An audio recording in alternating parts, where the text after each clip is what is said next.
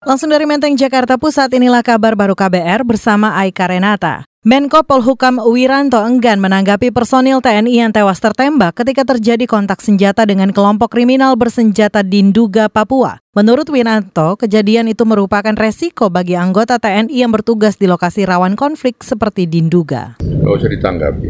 Ya, itu dalam rangka operasi yang dilaksanakan di sana yang resikonya seperti itu. Makanya sekarang ya kita terus menyelesaikan masalah itu dengan segala cara ya, ya agar tidak berkepanjangan. Ya. Menko Polhukam Wiranto menuturkan bertugas di lokasi konflik memang tidak mudah, taruhannya nyawa dan karena itu hanya doa saja yang bisa dipanjatkan agar mereka selamat dalam menjalankan tugas membela NKRI. Sebelumnya, kelompok bersenjata kembali menyerang TNI saat sedang melakukan pengamanan dalam proyek pembangunan Trans Papua Wamena Mumugu di distrik Yuguru, Nduga, Papua. Akibatnya seorang personil TNI, Usaman Hambelo, tewas tertembak. Kita beralih, Kepala Staf Kepresidenan Muldoko menjelaskan kenapa pemerintah bersikeras mengajukan peninjauan kembali atau PK atas kasus kebakaran hutan dan lahan karhutla. Menurut Muldoko, hal itu berkaitan dengan citra pemerintah Indonesia di mata dunia internasional. Muldoko mengklaim pemerintah sudah bekerja keras menangani persoalan karhutla. Berkaitan dengan responsibility, jadi jangan sampai nanti di, dilihat dari, oleh orang luar, negara luar, wah negara Indonesia masih apa masih lemah dalam menangani ini nah, ini salah ya.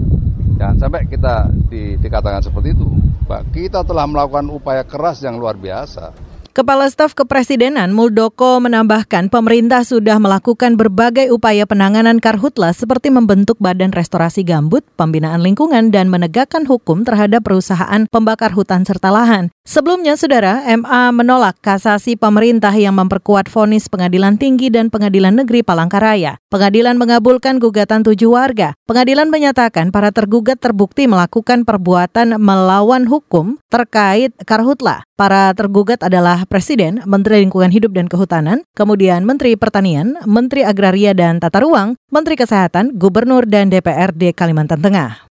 Kita ke soal lain, Saudara Panitia Seleksi Calon Pimpinan KPK menyatakan tidak akan memasukkan dalam skor penilaian kepatuhan peserta dalam menyerahkan laporan harta kekayaan penyelenggara negara LHKPN. Ketua Pansel KPK Yenti Garnasi menyatakan peserta hanya diminta untuk menandatangani surat pernyataan bermaterai saat tahap administrasi tentang kesediaan menyerahkan LHKPN jika terpilih nanti. Bukan sekarang. Jadi nanti apabila sudah terpilih, berarti ya lima itu yang begitu terpilih harus ada LHKPN LHKPN. Tapi yang sekarang adalah memasukkan lembar pernyataan bersedia memberikan LHKPN antara lain kemudian bersedia tidak rangkap jabatan artinya meninggalkan pekerjaannya sementara dia sebagai komisioner. Ketua Panitia Seleksi Calon Pimpinan KPK Yenti Garnasi menambahkan tidak ada syarat patuh menyerahkan LHKPN dalam memberikan penilaian. Hanya rekam jejak peserta saja yang akan dipertimbangkan dan diperdalam lewat sesi wawancara terbuka. Sebelumnya, Pansel KPK dikritik karena tidak memperhatikan kepatuhan peserta dalam menyerahkan LHKPN. ICW menyebut kepatuhan menyerahkan LHKPN seharusnya jadi bagian dari seleksi administrasi yang menjadi tahap pertama menyaring calon pimpinan KPK.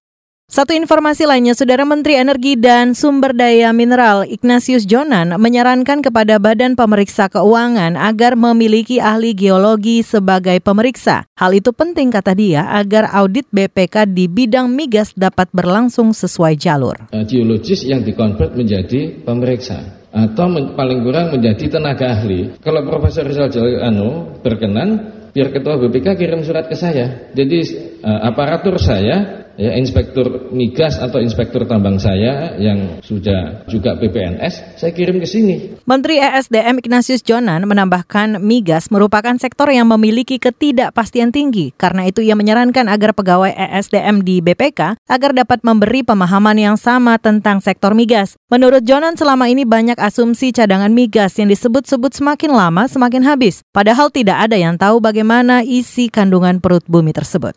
Demikian kabar baru dari kantor Berita Radio KBR, saya Aika Renata.